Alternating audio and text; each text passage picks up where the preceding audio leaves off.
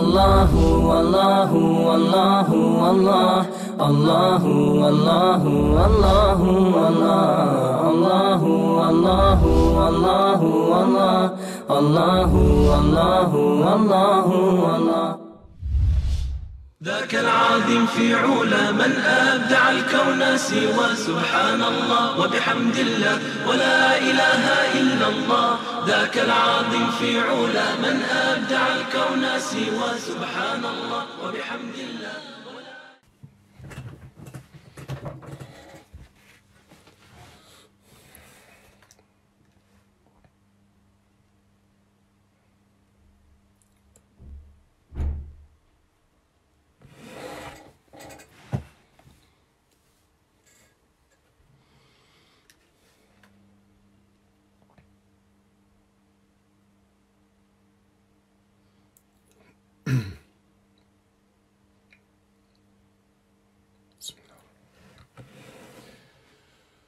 الحمد لله رب العالمين. حمدا كثيرا كما أمر. والصلاة والسلام على أشرف الأنبياء والمرسلين سيدنا ونبينا محمد وعلى آله وصحبه أجمعين. اللهم علمنا ما ينفعنا وانفعنا بما علمتنا وزدنا علما يا كريم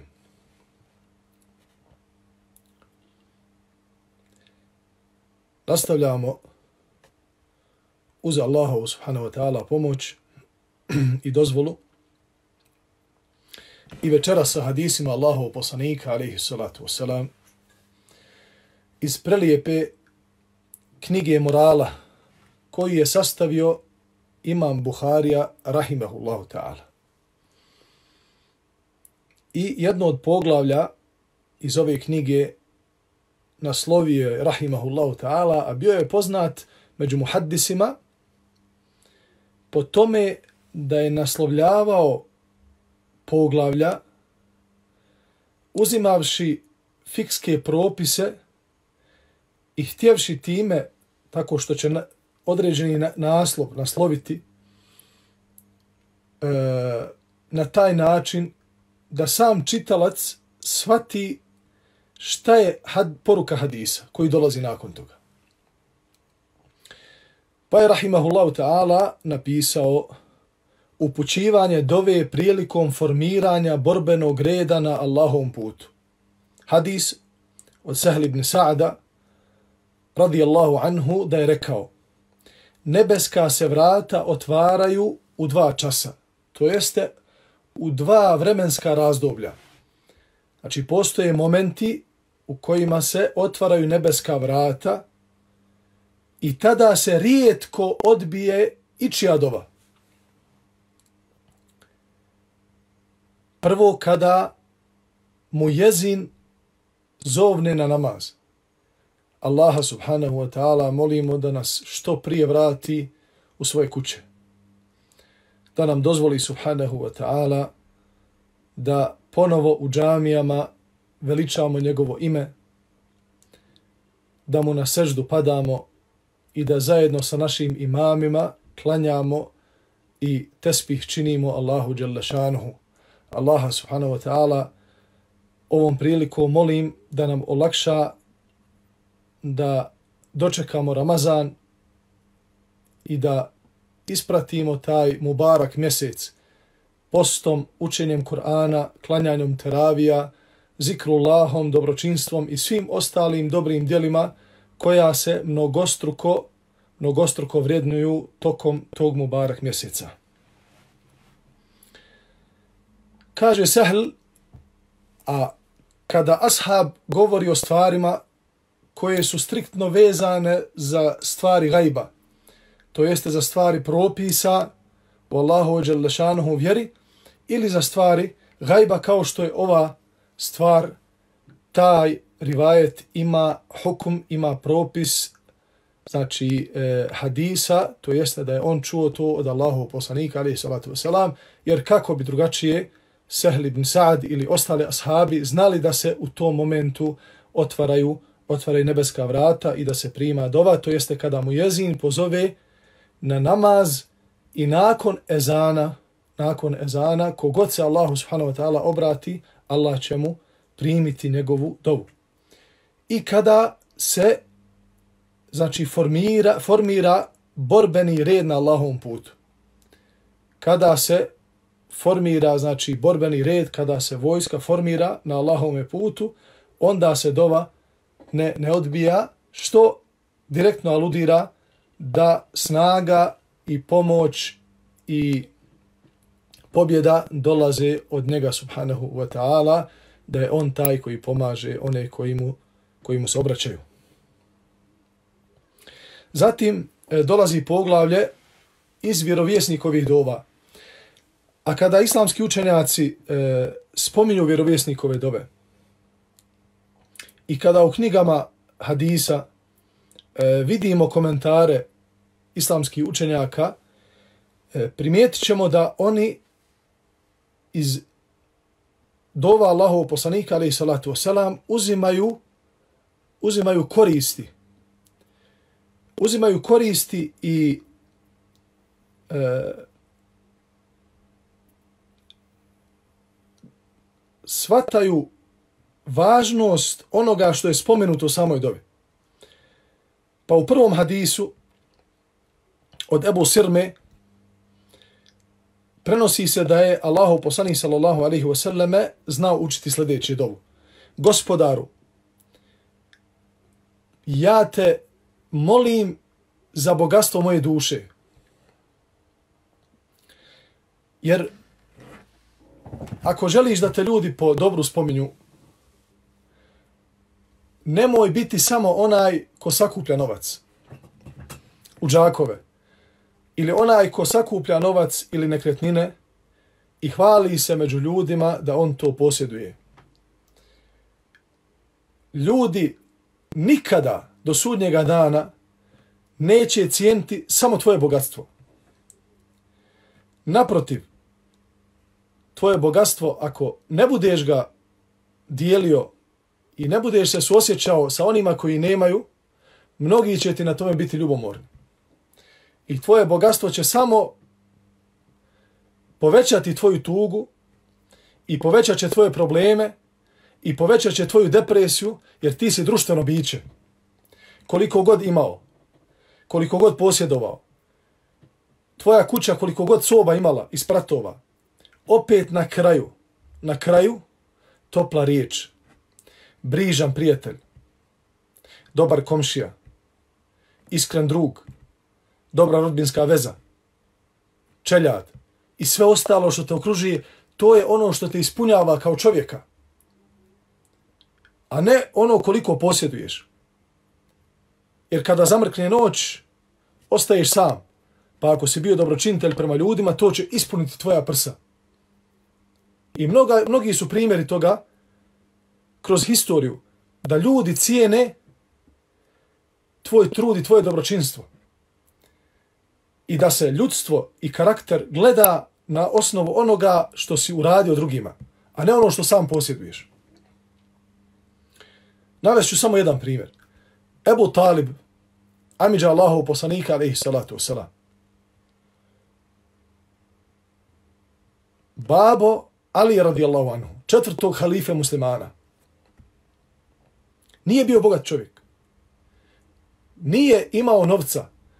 Nije bio od bogataša Kurejšija. Ali bez ikakve sumlje bio je jedan od velikana tog plemena. I njegova riječ se gledala i poštovala. I velika zasluga za očuvanje ličnosti Allahov poslanika, alaihi salatu wasalam, u Mekki se stavlja na mizan Ebu Taliba, Amidži Allahov poslanika, alaihi salatu wasalam.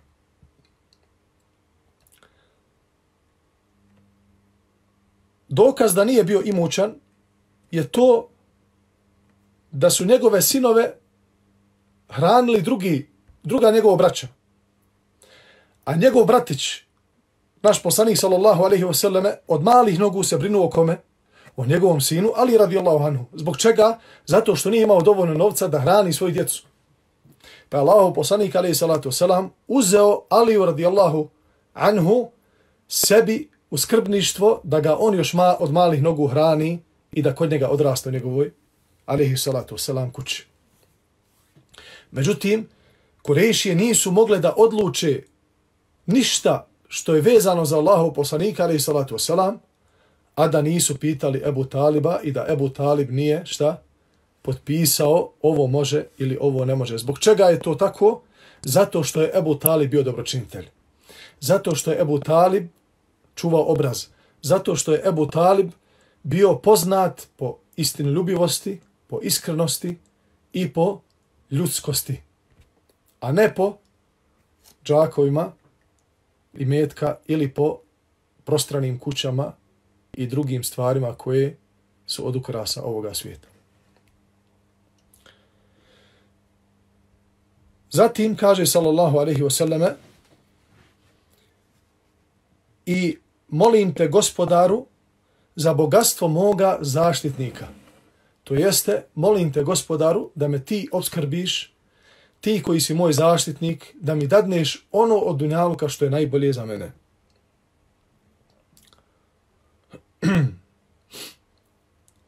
Zatim, Šekel ibn Humeid je rekao, Allahu poslaniće, poduči me dovi od koje ću imati koristi. Pa mu je Allahu poslanik alaihi salatu wasalam rekao, reci gospodaru, sačuvaj me od zla moga sluha. Kako može biti naš sluh zlo? Zatim, sallallahu alaihi sallam, kaže, i reci i od mog vida, i od mog jezika, i od mog srca, i zla mojih puti. Kako to sve može biti zlo? I zašto se mi trebamo Allahu Đelešanuhu uticati od zla našeg sluha, našeg vida, našeg srca, našeg jezika i naše, šta? Naše puti. Zato što često pogrešno čujemo. I to je zlo. Koliko je nepravde učinjeno samo zbog toga što nisi dobro čuo ili nisi dobro čula. Koliko je nepravde samo učinjeno, a nepravda se rešava na sudnjemu danu i bit će teška na mizanu. Koliko je nepravde ljudima načinjeno i koliko je suza proliveno i koliko je rodbinskih veza pokidano i koliko je brakova puklo, zato što se dobro čulo, ali se nije dobro prenijelo. Ali i to ima u ovoj dobi. Utičem se gospodaru od zla moga šta? Jezika. Dobro. Dobro sam čuo. Dobro sam rekao. Dobro sam vidio. Međutim, nisam to mogao ostvariti mojim srcem. Moje srce to nije moglo podnijeti da moj brat musliman ima na, lijepu na faku. Da mu je Allah Đalešanu dao dobro na faku. Da mu je Allah Đalešanu dao finu kuću, prostran stan. Da mu je Allah Đalešanu dao lijepo auto. Da mu je dao sloz, slogu u njegovoj porodici. Nisam to mogao da izdržim, pa je moje bolesno srce počelo da proizvodi jedan otrov koji napada karcinogeno cijelo tijelo i biće i duh. A to je zavist, braćo moje, poštovane sestre. Pa mu je Allah, poslanik alaih salatu selam, ovome čovjeku rekao, reci ovo, bit ćeš sačuvan velikog zla. A to je, gospodaru, sačuvaj me zla moga sluha, moga vida, moga jezika, moga srca i moje puti. Kaže Vakija šta je u, ovom hadisu, to jest u ovoj dobi, šta je to put? Kaže, od moje puti, to jeste, sačuvaj me od moje strasti koja vodi ka bludu i nemoralu.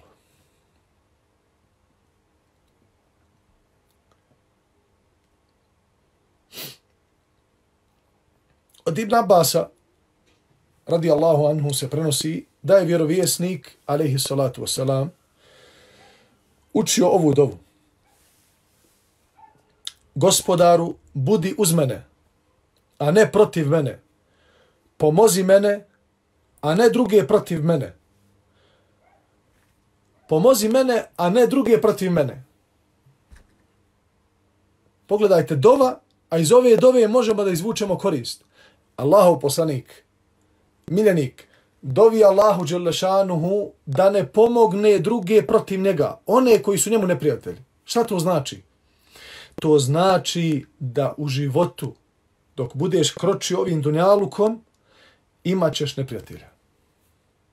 Nemoj se nadati da će doći dan. Ti živiš na ovome svijetu, a da nećeš imati neprijatelja, da će te svi ljudi voliti.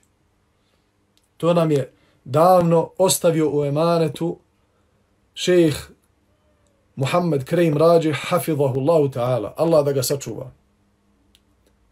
Kaže, djeco moja, dobar čovjek ima i prijatelje i neprijatelje. Loš čovjek pokvarenjak, nikoga ne voli.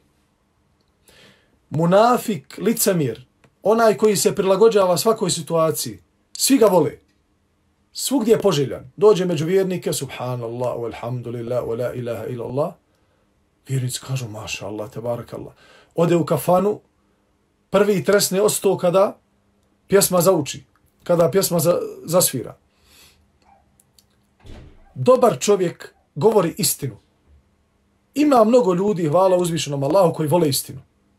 I oni ga vole, kao takvog. Ali ima i oni koji ne vole istinu. I oni ga mrze kao takvog. Dobar čovjek, ako, da se iko spasio, neprijatelja, da se iko, da je iko na ovom dunaluku kročio kao čovjek ovim svijetom, a da nije trebao da ima niti jednog neprijatelja, to je bio Muhammed sallallahu alihi wa sallam. Kao najpotpuniji čovjek, ali nije, nije ni on mogao da, da nema neprijatelja. I njega su neki ljudi mrzili, kao što i danas ima ljudi koji ga mrze, iako, alaihi salatu wasalam, je pomogao cijelome čovečanstvu, ummetu Islama prvenstveno, a i svim drugim ummetima, svojim moralom, svojim govorom, svojim savjetima i objavom koja mu je bila emanet i bila mu je teška da je prenese upravo onako kako Allah Đalešanuhu traži od njega. Određuj za mene, a ne protiv mene.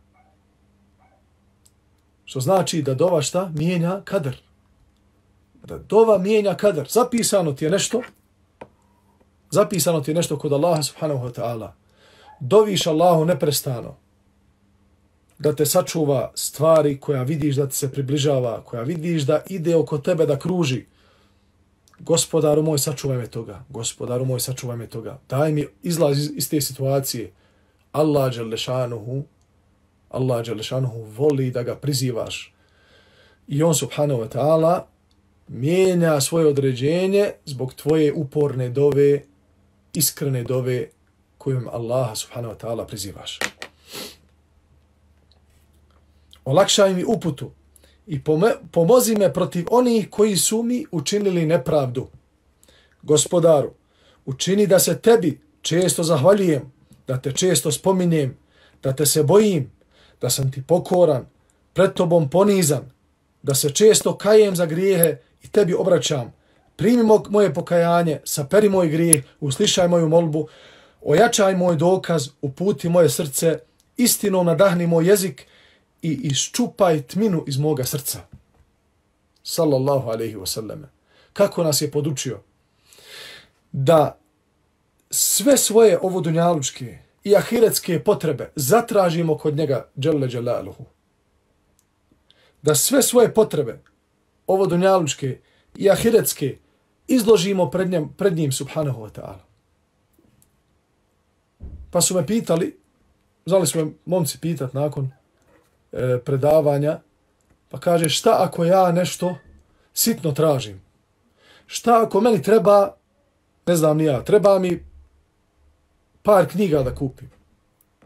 Hoću novo auto da uzmem. Znači, ne, moje auto koje imam, sada ne sviđa mi se. Ja nemam dovoljno novaca da kupim bolje od toga. To je čef, jel tako? Znači, ovo ti služi. Međutim, ako bi imao više novaca, kupio bi novo, bolje auto. Je li ja mogu se Allahu Đalešanuhu obratiti dovom da kupim bolje auto? Možeš. I to je poželjno. da svaku malu i veliku stvar predočiš gospodaru svjetova. I da kažeš, gospodaru moj, Allahu, jedan jedini, živi, vječni, zaštitniče, milostivi, o ti koji praštaš, o ti koji obskrbljuješ, o ti, o ti koji spuštaš smiraj. Dovi mu njegovim imenima i njegovim svojstvima i zamoli ga na svom jeziku i svog srca, svojim, svojim načinom, onako kako njemu subhanahu wa ta'ala dolikuje da mu budeš ponizan i traži od njega bilo šta što ti fali na ovom svijetu. Osim kao što kaže sallallahu alaihi wa sallam, illa ma kana harama, osim ono što je očiti haram. Nemaš tražiti od Allaha Đalešanuhu nešto što je haram, što je zabranjeno islamu.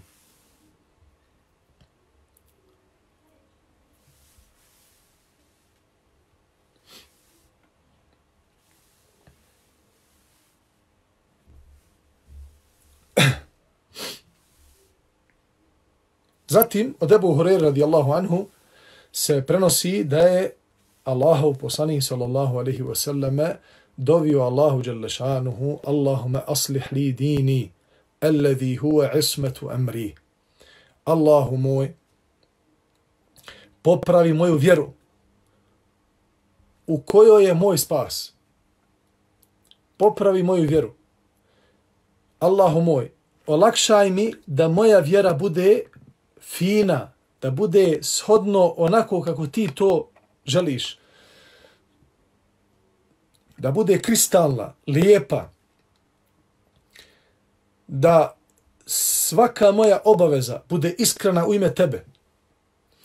Da svaka zabrana koju si mi ti zabranio, da mi bude lahka da je ostavim. Da se ne moram puno hrvati sa haramima. Allahu moj, daj mi snage da ustrajem na tvom putu da moj dunjalog bude niva na koju ću ja posijati moj ahiret koji će me dovesti do dženneta, a ne da bude niva koja će, me, koja će mi ukazati put ka džehennemu. Wa aslih li dunjana allati fiha ma'ashi. Zatim, Allahu moj, upotpuni ovaj ovo dunjalučki život na kojem ja boravim i učini da život dok ja živim, da radim hajr, da budem progresivan, da budem dobar i sebi i drugima. Nemoj gospodaru dozvoliti da budem štetan i za sebe i za druge. Nema hajra u umetu u kojem mlađi ne poštuju starije. Svi mi koji smo e, sada u nekakvim srednjim godinama ili 40. 50. i gore, sjećamo se vremena kada su mlađi jedva čekali da stariji samo kaže naredi, otiđi, idi uzmi, utrkuješ se sa svojim vršnjacima, ko će poslušati starijeg? Danas je to opći keramet da se vidi da mlađi hoće da posluša starijeg. To je veliki problem, jer to će se prenijeti na narednu generaciju. Jer djeca gledaju, iako mi mislimo da oni ne pamte, oni pamte i dobro gledaju šta mi radimo. Allah Đalešanuhu će dati prosperitet ovom umetu onoga trenutka kada se bude znalo poštivanje, kada se bude znao red, islam nas uči redu. Ne možeš klanjati sabah namaz prije nego što zora nastupi. Je to red ili nije red? Jeste red. Možeš li klanjati ili da li se broji sabahom kada izađe sunce? To više nije sabah namaz.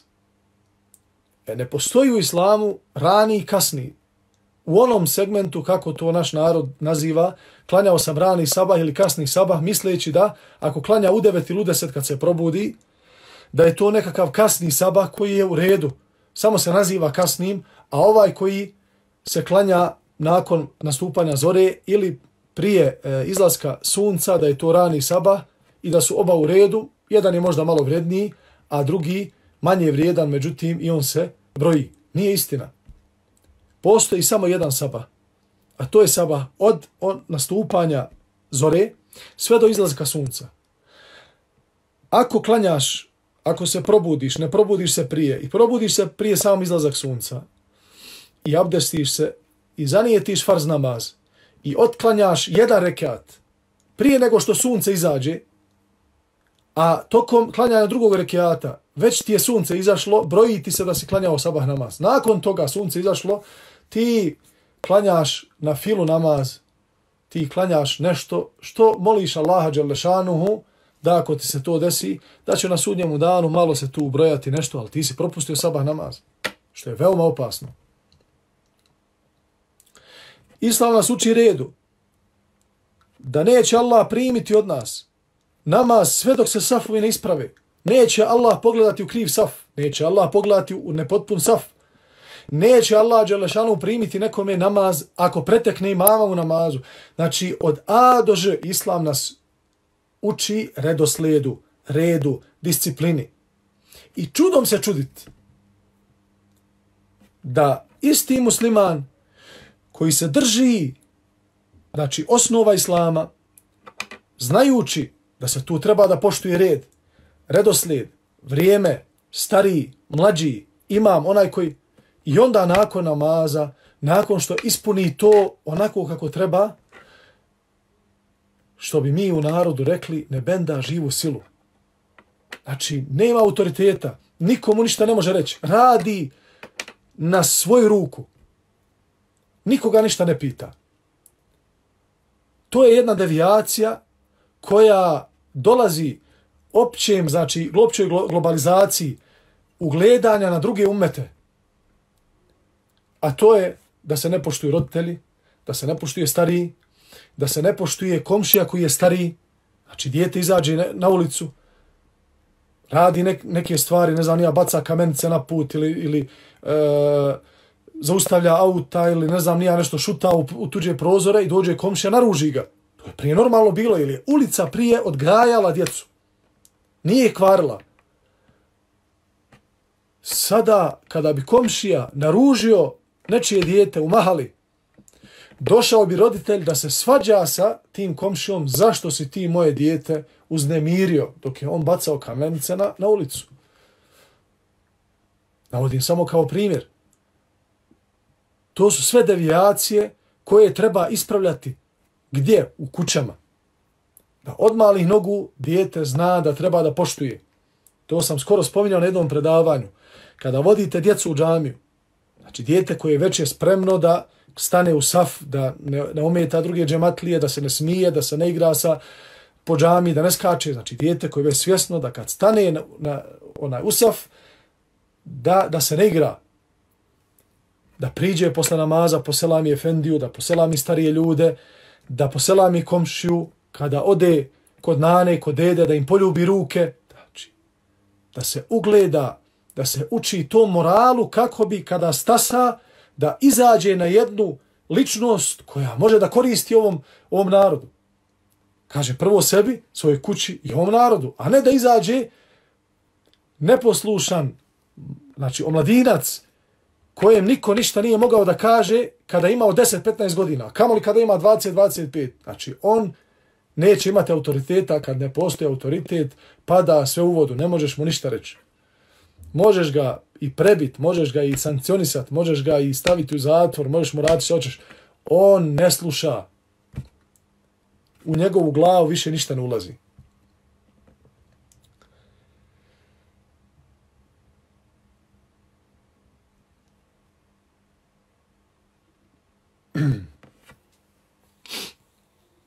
I posljedna dova koju želim sa vama večeras da podijelim, iz koje ćemo inšala utala e, izvući nekoliko koristi za nas, jeste dova od Enesa ibn Malika radijallahu anhu da je Allahu poslanik sallallahu alaihi wasallam znao često reći Allahumma inni a'udhu bike min al-ajzi wal kesel Gospodaru, sačuvaj me nemoći.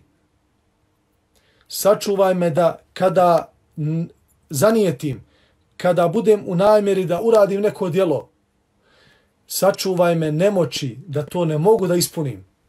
Koliko puta se desilo da je neko od nas htio da nešto uradi od dobra, od hajra i na tom putu je bio spriječen.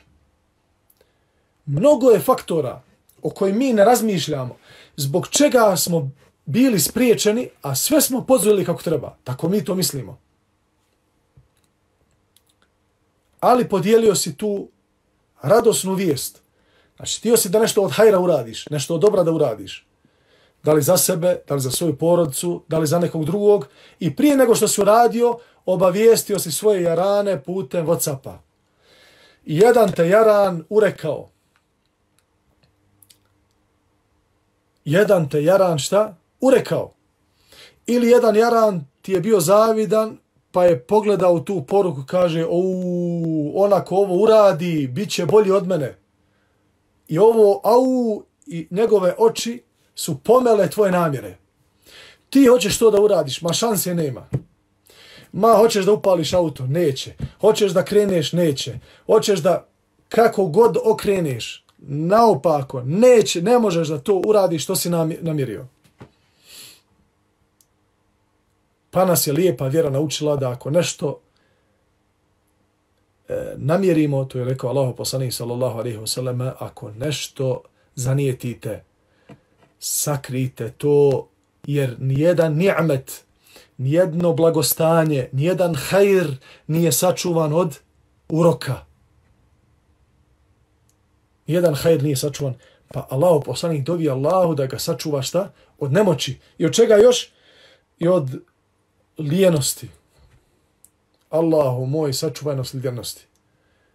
Šta bi naša omladina u ovoj našoj prelijepoj Bosni i Hercegovini i ostalim muslimanskim sredinama, šta bi mogla sve da uradi od hajra, od dobra, na samome sebi, pa i drugima onda od hajra, samo da ih ova ljenost malo popusti. Da postanu hafizi Kur'ana, da postanu vrijedni učenici, da postanu doktori nauka, da postanu medicinari, da postanu dobri ekonomisti, biznismeni, sportisti, da postanu dobročinitelji. Šta ih sprečava? Zašto jedan omladinac koji je jak, fin, mlad, lijep, zašto ne uradi nešto od svoga života? Zašto je 25 godina proveo u svome životu? Kada se okrene nazad, ti mu kažeš, uzmi dvolisnicu i napiši o sebi šta šta si do sada uradio za sebe, za svoju porodicu, za umet i za dobro svoje budućnosti, on kaže, nemam pojma. Zašto je to tako? Lijen hoće da spava, hoće da odmara, hoće da noge podigne uz duvar i kaže, ljudi moji, sretno vam bilo, meni je ovako super. Jeste super, ali ode ti život, prijatelju moj dobri. A mogao si svašta i možeš od večeras svašta da uradiš. Samo stavi na papir, zanijeti i uzdaj se Allaha, ovu dovu uči. Kaže, gospodaru, sačuvaj me od strašljivosti. Da te je strah. Kako ću ja da završim dok doktorat? Kako ću ja da postanem prvak? Kako ću ja da naučim Kur'an na pamet? Kako ću ja da uradim ovo? Ma daj da ja postanem biznismen, da ja imam pare. Pa dobro, sve jednog biznismena pitaj. Koji i sada u dobrim parama i može da, da radi, da udijeli na hajr ili da udijeli na šer. To je, njegove su pare. Pitaj ga, jesi li ti naslijedio taj kapital? 98% njih će reći nisam naslijedio ništa, naprotiv bio sam jako siromašan, dobrim dijelom svoga života zapeo sam, oznojio sam se, potrudio sam se i ustrajao i evo me sada mogu reći za sebe da sam biznismen. Tako u svim poljima. I sačuvaj me od oronule starosti. Oronula starost, da ne možeš sebi. Ne možeš sam ni abdestit, ne možeš sam sebi napraviti da jedeš, ne možeš sam ni, na, ni, ni staviti zalogaj u usta, ne možeš hodat sam. Ne. Znači, treba neko ko će oko tebe da, da te služi 24 sata. U tom trenutku, gospodar moj, ja te dovim da, ja ti dovim da budem živ onoliko koliko će me služiti moje tijelo. I moja snaga, pa da ja prohodam sam, i da ja stavim zalogaj u svoja usta sam i da se sam okupam i da sam abdestim i da sam klanjam. Gospodaru moj, oronula starost, deset godina da ležiš na krevetu, da možeš samo očima da pomiraš, gospodar moj, utičem ti se od toga. I kraj ove dove je bio, kao što prenosi Enes ibn Malik, radijallahu anhu, sačuvaj me iskušenja života i smrti i sačuvaj me kaburske patnje, Allahu naš, sačuvaj nas džehremske vatre, Allahu naš, daj nam džennet.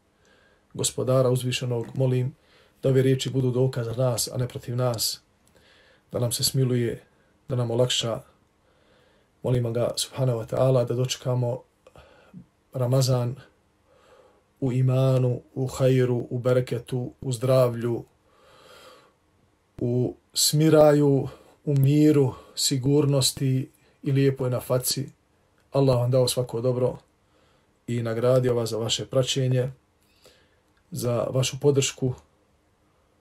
Proširite ove riječi, riječi Allahov poslanika, ali salatu wasalam, i da se drugi okoriste, a ja molim Allaha subhanahu wa ta'ala da nam oprosti ono što ne znamo ili ono što smo pogriješili.